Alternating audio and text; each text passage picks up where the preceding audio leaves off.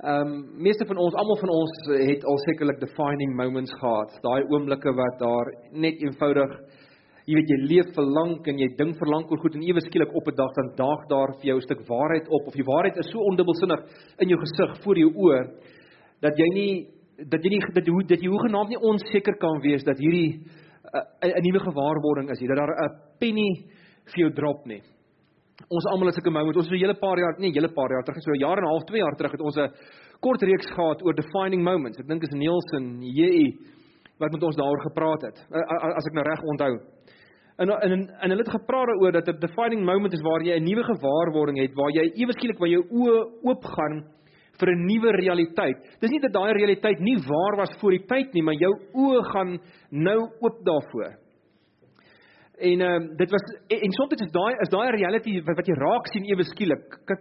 Dan kan jy nie glo jy het nooit van tevore raak gesien en, en dit is vir jou so real dat dit voel soos 'n oomblik van openbaring.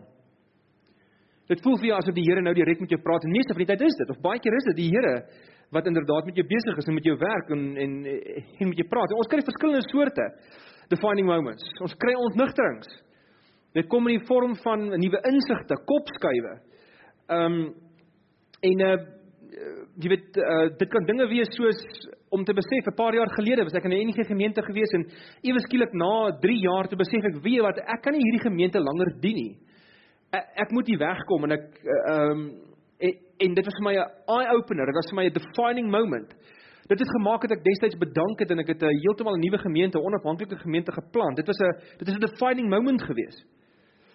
Ehm um, kan 'n defining moment wees wanneer jy besef dat die persoon wat jy date is die persoon wat jy actually meer wil mee wil trou. Of dalk glad nie meer wil trou nie. Dit kan ook wees. Dit kan ook 'n defining moment wees. Of jy kan dit jy op 'n dag besef wie wat my siel is dood, ek's leeg en ek het die Here nodig. Dis seker die belangrikste defining moment wat jy kan hê. Of wanneer jy besef, "Heng, ek kan hierdie maatskappy nie regtig langer dien nie. En uh, jy weet net so meer tong in die kies het 'n vriend van my nou die dag gesê in sy in sy huwelik uh, ek weet het ons natuurlik uh, baie ge gewaarwordings en hy hy sê hy het nou die dag tot die, tot 'n gewaarwording gekom met 'n finding van moment vir hom was toe hy besef het na 12 jaar se getroude lewe of na na druk ruk van getroude lewe dat hy nog nooit 'n fight teen sy vrou gewen het nie. En uh, hy het besef hy het nog nooit 'n argument teen haar, jy weet wat, wat hy bo uitgekom het nie. En hy besef toe op daai oomblik sy gewaarwording is hy moet kies. Pieter, wil jy reg wees of wil jy happy wees? Uh dis inderdaad 'n keuse. So hulle hulle is nou 12 jaar wat hy in elk geval baie baie happy is. En ehm um, hy het die gewaarwording gekom dat wie wat hy het aanvanklik gedink, maar ek is die hoof van die huis en hy en hy besef homself dit mag so wees, maar my vrou is die nek. En sy draai die hoof net waar sy hom wil hê. Maar op ernstige noot Ek dink in die lewe van die disippels moes hulle twee groot defining moments beleef het. Dit is nie net wat ek dink nie. As jy veral kyk na die struktuur van Matteus, Markus en Lukas, dan sien jy dat dat dan ten minste hulle seker hulle het baie moments met die Here beleef, maar daar was twee oor hoofs gesproke, twee groot defining moments wat hulle moes beleef het. Twee moments wat min of meer alles verander het of hulle siening verander het en ek dink ten minste as die disippels in hierdie geval wat ons vanaand gaan lees, nie 'n defining moment beleef het nie, dan dink ek moes hulle teruggekyk het na die opstanding en besef het daai was 'n defining moment wat Jesus probeer skep het. Met ander woorde, Jesus se idee was, ouens, as julle al die ander goed wat ek vir julle sê is ook belangrik, maar dit sal in plek val soos wat die tyd aangaan. Maar as julle hierdie ding mis, as julle hierdie nie reg verstaan nie, mis julle dit totaal al, mis julle die boot. Nou ek dink die een groot defining moment wat die ouens moes gehad het, was op Paasnaweek. Dit was 'n ontnigterende belewenis geweest het. Hier hang die ene wat hulle geglo het vir hulle die redding gebring hang aan 'n kruis. Hulle het dit nie verwag nie. Hulle het nie verwag die Here gaan vir redding op hierdie manier bring nie. Dit het vir hulle 'n totale ontnigtering gewees het en dan natuurlik Sondag die omgekeerde blykant daarvan dat die Here opgestaan het uit die dood. Dat hulle besef wie wat die dood het nie die laaste sê oor ons lewens nie. Dat die Here 'n doel het met ons lewens. Dat hy iewers hier op pad is, dat hy besig is om die skepping te herskep, nie te maak. En dit was sekerlik die grootste defining moment gewees het, maar behalwe dit, in die tyd wat hulle met Jesus gestap het, dink ek was daar hierdie een moment wat hulle wat Jesus hulle probeer bring het by 'n nuwe gewaarwording, by 'n kopskuif. As jy hierdie mis, dan mis jy alles. En dit kry ons in in Matteus 16. So ek gaan dit vir julle saam lees. Daar sou staan: Toe Jesus in die streke van van Caesarea Philippi kom, het hy vir sy disippels gevra: "Wie sê die mense is die seun van die mens?" Hulle antwoord hom: "Party sê Johannes die Doper, party Elia, party Jeremia of een van die profete." Maar julle het hulle gevra: "Wie sê julle is ek?" Simon Petrus het geantwoord: "U is die Christus, die seun van die lewende God." "Gelukkig is jy, Simon, seun van Jona," het Jesus vir hom gesê. "Want dit is nie 'n mens wat dit aan jou geopenbaar het nie, maar my Vader in die hemel. En ek sê vir jou, jy is Petrus, en op hierdie rots sal ek my kerk bou." En die magte van die doderyk sal dit nie oorweldig nie. Ek sal aan jou die sleutels van die koninkryk van die hemel gee en wat jy op die aarde toesluit sal in die hemel, ekskuus, wat jy in die ja, wat jy op die aarde toesluit sal in die hemel toegesluit bly en jy op aarde oopsluit sal in die hemel oopgesluit bly. So hoe hoekom is hierdie 'n defining moment? Want in die in beide veral die Markus en die Matteus evangelie, Markus 8 en Johannes 16, is hierdie die letterlik dit dit die hoogtepunt as ware van die evangelie in die Markus evangelie behalwe die kruisiging, behalwe die behalwe Paasnaweek, is hierdie die die bedieningshoogtepunt van Jesus met sy disippels. Die hele enige kommentator sê vir jou, veral in die Matteus evangelie, word dit heeltyd die vraag gevra na Jesus die storm stil gemaak het. Wie is hierdie man? dat die wind en die see hom gehoorsaam. Wie is hierdie persoon hy hierdie goed kan doen? Wie is die persoon? Daai vraag word die hele tyd gevra. En alhoewel die disippels alreeds in Hoofstuk 13, 14 begin glo in Jesus, is hoofstuk 16 is die middelpunt is die as waarmee die hele evangelie draai want hier vir die eerste keer reguit vra Jesus hulle oor sy identiteit en hulle antwoord hom reguit U is die die Christus die seun van die lewende God. So hierdie is die sentrum van die evangelie. Hierdie is die hart van die evangelie.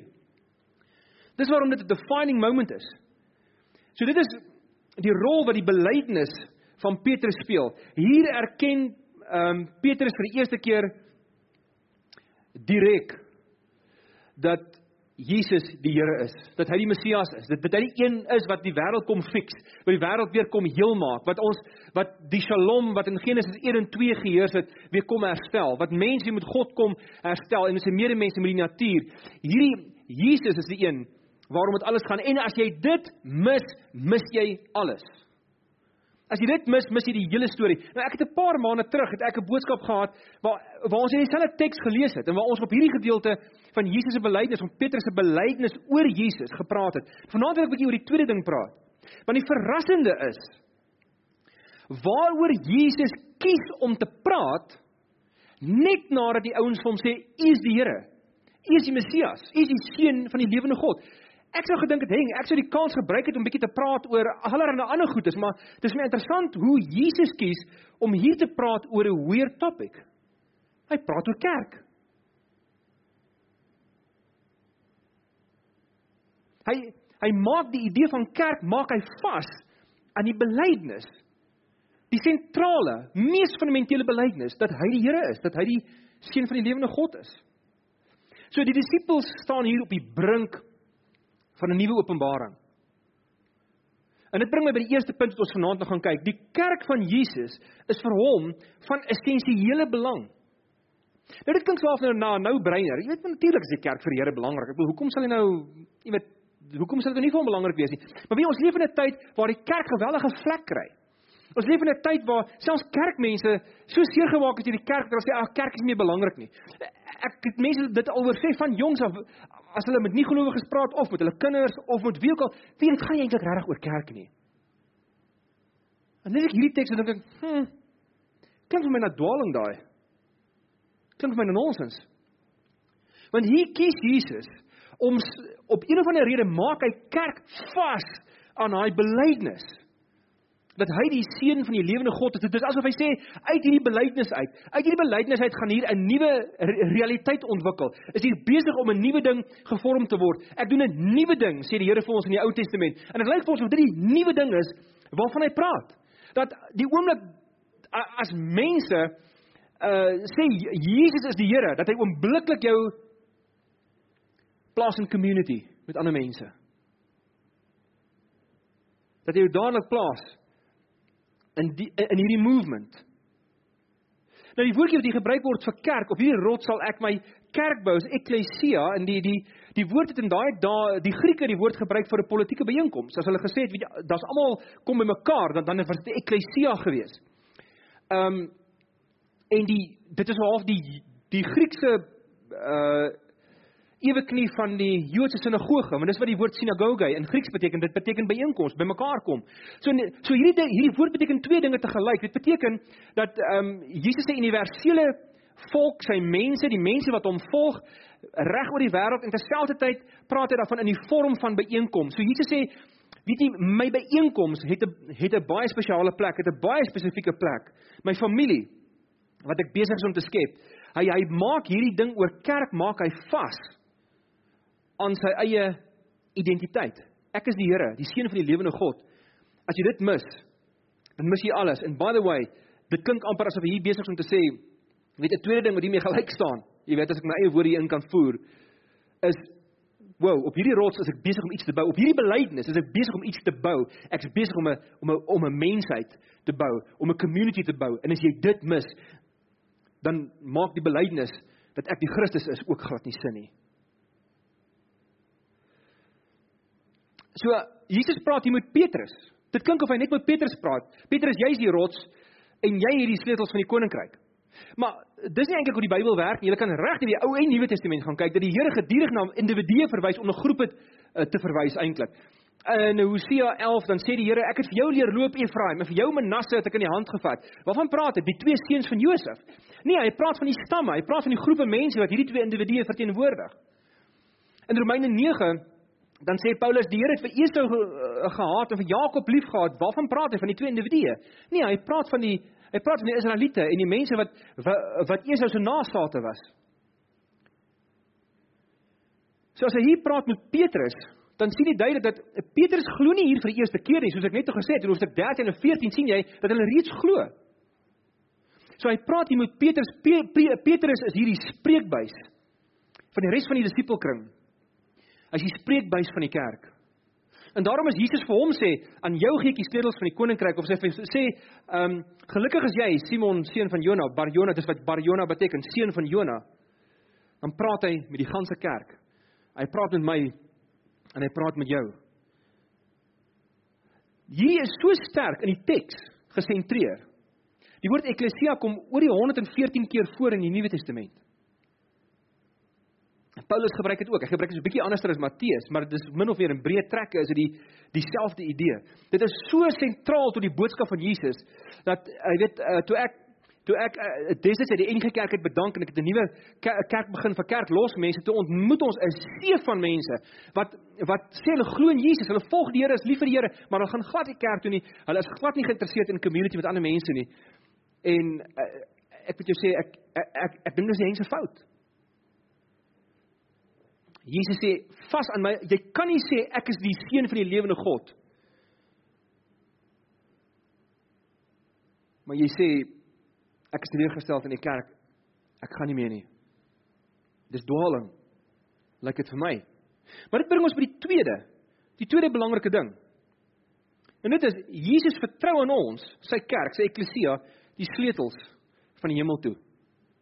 Dis weird. En ek dink dis 'n bietjie van 'n swak strategie. Dis nie dit, dit sou nie wees wat ek gedoen het nie.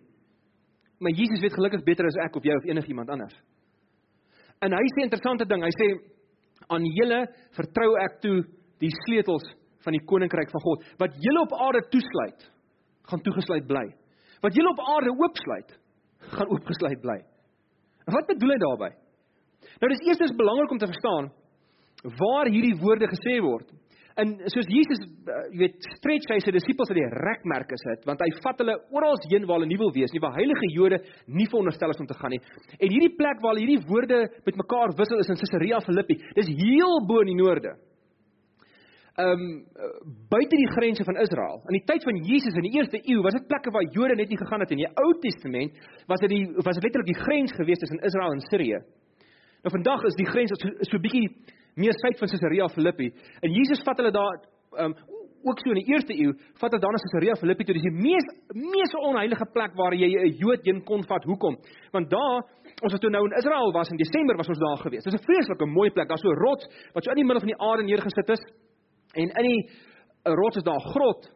En in die grot is daar 'n diep diep diep fontein met met, met water. Baie van die dit is so sterk fontein. Baie ouens reken dit is die oorsprong van die van die Jordaanrivier. Is in elk geval in 'n omgewing wat die oorsprong is. Ons is nie vandag regtig seker nie.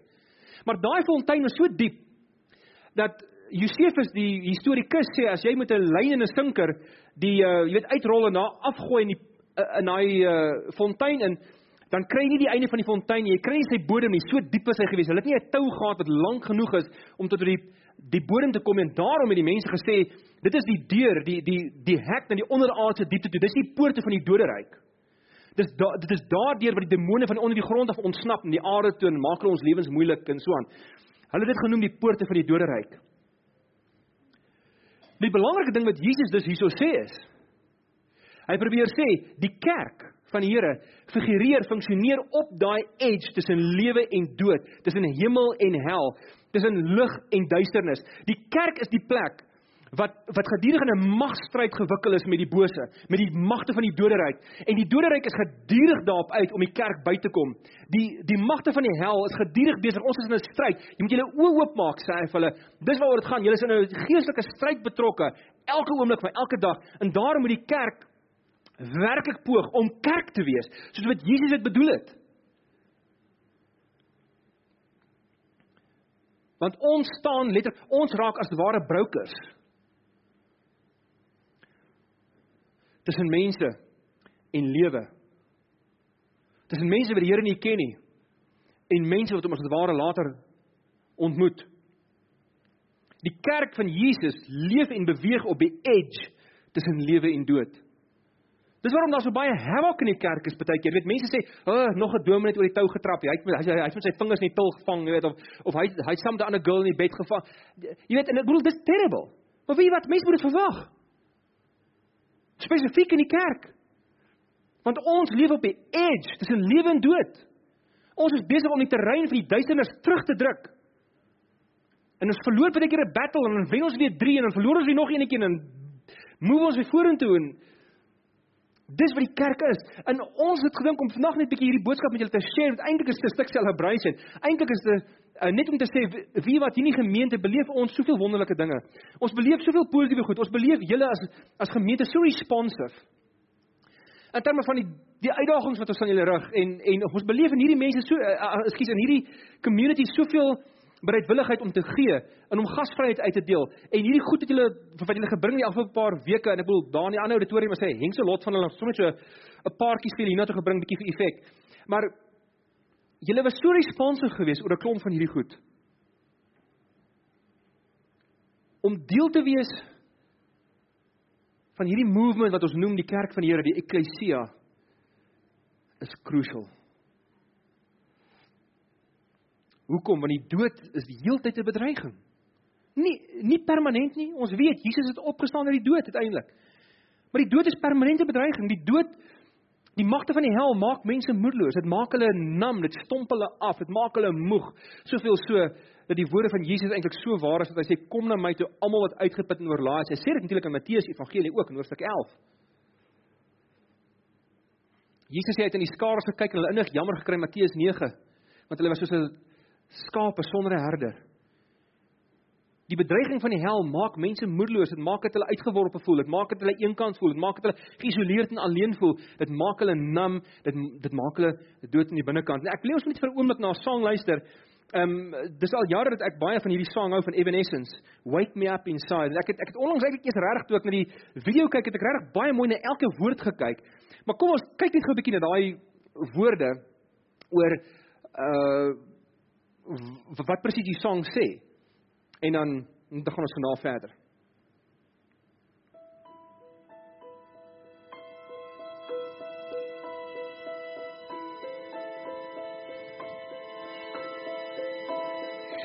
Thank you.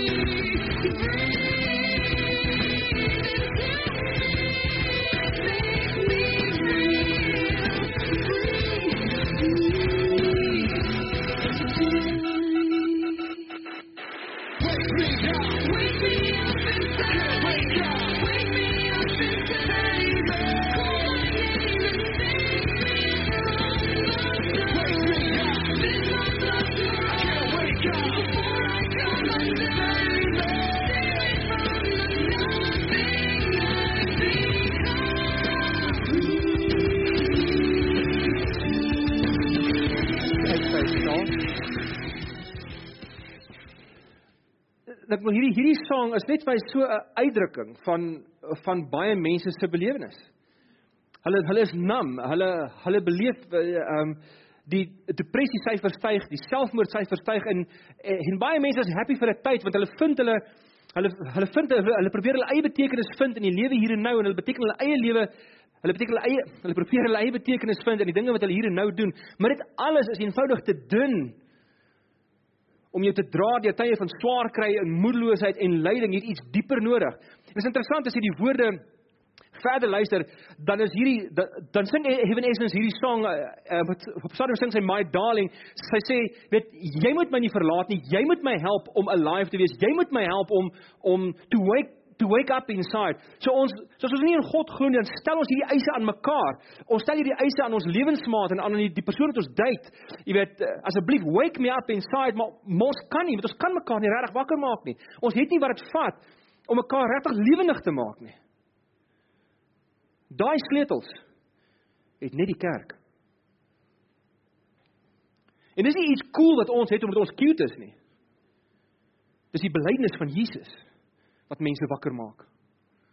Dis dit is feit dat ons Jesus uitleef, dat ons sy seun van Godskap uitleef in mekaar se lewens, dat ons vrygewig is teen mekaar. Wil, wat is die koninkryk? Ons het al hoeveel keer oor gepraat. Die koninkryk beantwoord die vraag na hoe lyk dit daar waar God regeer en en die Shalom wat ons net van gepraat het in hoofstuk 1 en 2 van Genesis sê die Here regeer daar waar mense met God versoen is, daar waar mense met mekaar versoen is, daar waar mense met die natuur versoen is. Met ander woorde waar daar reg en geregtigheid plaasvind wanneer arme mense gehelp word, wanneer mense wat struggle bygestaan word, wanneer mense bemoedig word, wanneer mense die Here vind, wanneer hulle tot bekeer tot bekering kom of tot geloof kom. Dit is wanneer die koninkryk van die hele van die Here uh, uh, realiseer. Wake me up inside. Dit is die sleutels wat aan die kerk gegee is. Ek en jy as 'n kollektiewe groep, as 'n eklesia, as 'n as 'n byeenkoms, as 'n as 'n groep, ons hou met ons hou sleutels in ons hande vas. En ons draai dit in die rigting waarna ons dit draai, bepaal of mense lewe vind of nie. Dis hoe Jesus dit bedoel het.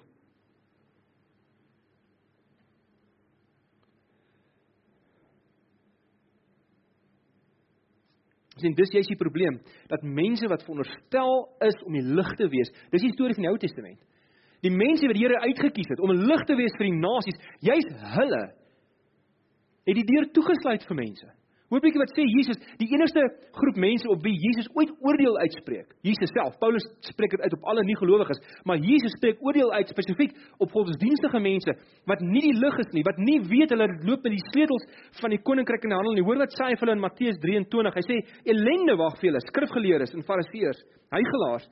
Julle sluit die deur van die koninkryk in mense se gesig toe. Julle gaan self nie in nie en julle verhinder die wat wel wil ingaan." Met ander woorde Jesus sê die die die manier wat ons godsdienst beoefen, jy moet onthou, moenie so vinnig die skrifgeleerdes en die fariseërs jy weet net dismiss nie. Wat hulle was die kerk van daai tyd. Hulle was die mense wat gesê het ons soek na God. Ons verteenwoordig die Here. En hulle baie van hulle was baie opreg in hulle bedoelings gewees en Jesus sê vir hulle, julle sluit die koninkryk toe. Die manier wat ons daarom kerk doen, die manier wat ons dink oor kerk, die manier wat ons dink oor Jesus, die manier hoe ons na mekaar kyk en na mekaar omsien, sluit die koninkryk, die regering van God vir mense oop of sluit dit vir hulle toe? Die Here gee dus vir die vir sy kerk, vir sy eklesia 'n bepaalde autoriteit. Hy het egter die autoriteit weggeneem van sy vorige kerk af vir Israel. Hy het hulle autoriteit weggeneem. Gesê ek sluit hulle nie meer uit nie, maar ek haal die fokus nou weg van julle af op die res van die wêreld. Ek gaan nou 'n nuwe kerk begin, soos wat ek van die begin af bedoel het, wat bestaan uit elke stam, vol, um, volk, taal en nasie. En ek gee vir 'n nuwe groep mense wat ook die ou Israel insluit, maar nie net meer hulle nie. Gee ek die sleutels van die koninkryk. En dit bring my by die by die derde gedeelte. En dit is jou deelname aan plaaslike gemeentelewe is daarom uitermate belangrik.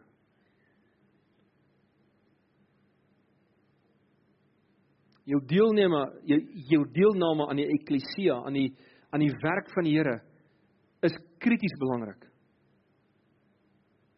'n Groot 'n klem by die evangelie plaas daarop is die vermoë wat ek en jy het om in een oomblik mense se lewens aan te raak, vir hulle die die koninkryk van die Here oop te sluit. Ek het ek het nou Vrydag wat verby is het het het Captain Marvel uiteindelik uitgekom.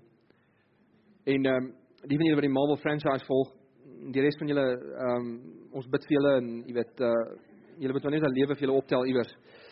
Ehm um, regtig 'n oulike fliek. Ek het 'n bietjie meer van die ding verwag, maar wat my interessant was, as jy aan die einde van die fliek ehm um, sê Nick Fury, dis as jy nou nie weet wie dit is nie, uh, moenie te veel worry nie, ons op die bid later, maar ons span daaroor, jy hoef nie jy, jy hoef nie te weet nie.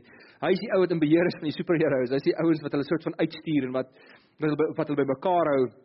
En hy is so bewus daarvan van die gewellige bedreiging wat op die planeet rus en en en wat die mensdom beleef. In die fliek eindig waar hy een van sy kollegas sê, "We need more, we need more." En die ou reageer en sê, "More what? More weapons." En Fury sê, "No, more heroes." We need more heroes. Die mag is te groot. We need more heroes. Met ander woorde, wat se ding is 'n hero? Wat se ding is 'n held of 'n heldin? Dis iemand wat sy of haar lewe opgee. Dis iemand wat in die bres staan vir ander mense. Dis, dis iemand wat wat lewe brouk wat 'n makelaar is vir lewe ten opsigte van ander mense. Dis mense wat hulle lewens gee wat sê wie wat ek gee regtig om wat se musiek julle hier speel nie. Ek sal my eie musieksmaak opgee. Ek sal dit alles opoffer sodat julle so sodat ons die sleutel vir die hemel vir ander mense kan oopsluit. Dis klaar vir my oopgesluit. Ek ken die Here reeds. Ek stap reeds die pad, maar ek gee nie om wat ons doen nie solank ons ander mense bereik, solank ons ander mense kan help. What, what what's needed is more heroes. Mense wat lewe uitdeel verander. Mense wat bring soos wat julle gebring het die afgelope tyd. En geen die versekering wat Jesus ons gee in hierdie teks. Dis 'n interessante ding. Daar's geen mag buite die kerk wat die kerk kan vernietig nie. Selfs nie die magte van die doderyk nie so sterk as wat dit is en so so, so groot 'n appel soos wat dit maak op ons. Selfs nie magte van die doderyk nie. Die enigste magte wat die kerk kan skade aan doen is binne die kerk. Soos wat dit was met die Fariseërs en die skrifgeleerdes, ou Israel. They just did not get the message. Dat ons is nie hier vir onsself nie. Ons is dankbare bedelaars wat met hoop kos sit en dit wil uitdeel in die wêreld.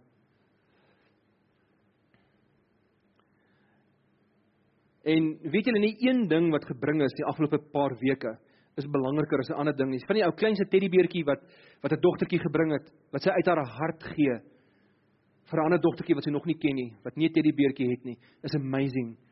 Is ongelooflik waardevol. Dis trouens die dis trouens die rede waarom ehm um, Jesus in Markus 12 die vrou prys vir daai twee laaste muntstukkies van haar ingooi want dit gaan nie oor die bedrag wat sy gee nie, dit gaan oor wat uit haar hart uitkom iemand wat die laaste gee, gee uit haar hart uit alles. En dis waarom ons hulle gevra het, moenie net bring wat jy nie nodig het nie, bring dit asseblief ook, maar bring veral dit wat jy na in jou hart lê, dit wat jy nie regtig van wil depart nie, dit wat jy nie regtig wil opgee nie. Bring dit. Sodat ook jou geskenk uit die hart uit kan kom en die Here sê, "Daai is amazing." So elke klein dingetjie is belangrik, maar weet jy, ek weet nie of julle weet nie, ons het twee motorkarre ook ook gekry hierdie week. Ek weet nie of julle dit weet nie.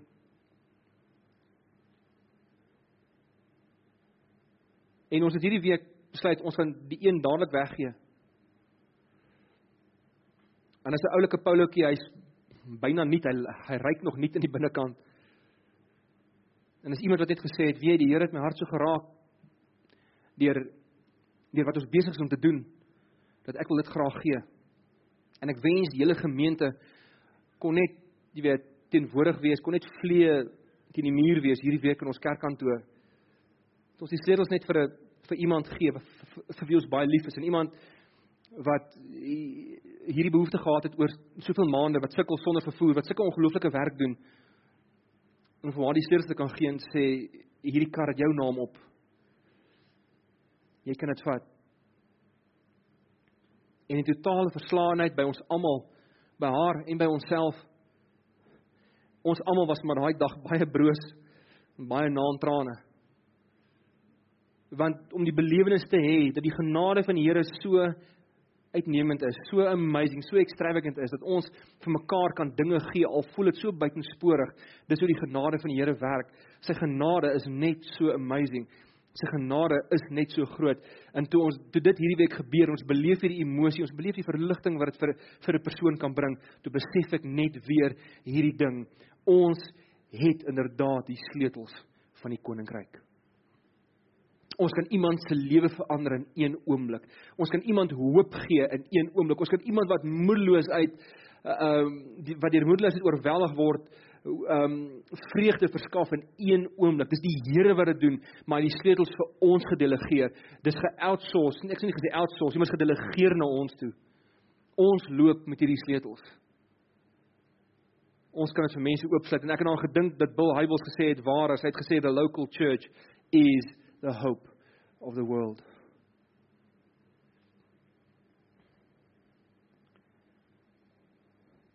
Dalk voel jy vanaand. Dalk skree jou hart vanaand. Wake me up inside. Miskien voel jy afgestomp, nam. Miskien voel jy daar's, jy weet, daar's daar's nie hoop vir jou nie. En is net die seun van die lewende God wat vir jou kan hoop gee. Dis net hy wat vir jou kan betekenis gee. Dis net hy wat lewe kan blaas in jou eie gemoed en in jou eie hart. En hoe hy die antwoord gaan wees spesifiek in jou lewe, weet ons nog nie. En verstaan nie ek of jy al nie, maar ons weet dat die antwoord begin by hom. Hy is die gewer van lewe. Hy is die ene wat wat, wat wil regeer oor jou lewe. Hy is die die een wat wil uh, hê dat lewe moet 'n realiteit wees in jou lewe. So daarom wil ons vanaand die geleentheid skep dat die koninkryk vir jou oopgesluit word. So ek wil vra net as ons so sit, kom ons maak ons oë toe soos ons baie keer doen. Geen oop oë nie. Almal se oë mooi toe. En as jy vanmôre, ekskuus vanaand voel jy wil jy wil net jou lewe van voor af aan die Here wy. Jy wil jy wil die deur vir die koninkryk oopgesluit sien vir jouself. Jy wil daai akses hê tot die Here se teenwoordigheid, tot Jesus se messiaskap. Dan moet jy een ding doen. Dit beteken dit beteken jy moet glo in Jesus Christus, maar om te glo in Jesus beteken twee goed. Dit beteken jy moet Jesus aanvaar as die vergewer van al jou sonde omdat hy in jou plek vir jou aan die kruis gesterf het. Hy sal jou vergewe as jy dit daarom vra. En die tweede ding is om Jesus te erken as die Here en die koning van jou lewe. En as jy dit doen, dan word die koninkryk vir jou oopgesluit. Lewe word vir jou oopgesluit, lig word vir jou oopgesluit. Lig is joune. So kom ons bid dan net almal saam hierdie gebed. Lewende Here, ons sê vir U dankie dat U goed is. Dat U amazingly goed is en genadig is en dat U die koninkryk wil oopsluit vir mense, vir almal. So Here saam met die paar individue onder ons wat vanaand net na U toe wil kom, maar is dit vir die eerste keer of vir tweede of derde keer, miskien is ons alreeds gelowig, ons ken U reeds, Here, maar on, on, ons lewens hang hang in 'n draadjie. Ons kom vanmôre vanaand, skie sommer net van voor af na U toe. En ons sê vir Here Jesus, ons aanvaar U vergifnis oor ons lewe. Vergewe ons asseblief. Vergewe my as individu. Ons aanvaar U koningskap oor ons lewens. Maak ons nuut. Verander ons harte. Help ons dat u lig nou in ons skyn en oor ook van nou af deur ons kan skyn. Ons bid dit alles Here Jesus in u naam. Amen. En as jy vanaand die gebed saam met ons gebid het, dan staan jy nou in 'n verhouding met die lewende Here. So maklik soos wat dit soos wat dit is, jy hoef nie noodwendig anders te voel nie. Jy kan dit in geloof aanvaar dat dit so is. Maar ons gaan afsluit vanaand met 'n met 'n lekker celebration song. En dis 'n song wat ons waaraan ons celebrate, maar ons maar dis ook 'n song wat ons challenge, want dit herinner ons aan wie ons is. Dit herinner ons dat ons is die vergrootglas, ons is die lens wat deur die Here se lig skyn, wat soos 'n prisma as ware in kleure ontvou in die lewens van mense, wat vir mense kan lig bring en wat hulle dinamika bring in hulle lewens, wat wat, wat vir moedelose moedelose mense moed gee, wat vir hopelose mense hoop gee. Dis ons rol. Dis hoekom ons hier is. Die Here wil dit vir ons doen. Hy doen dit vir ons, maar hy wil dit ook deur ons doen.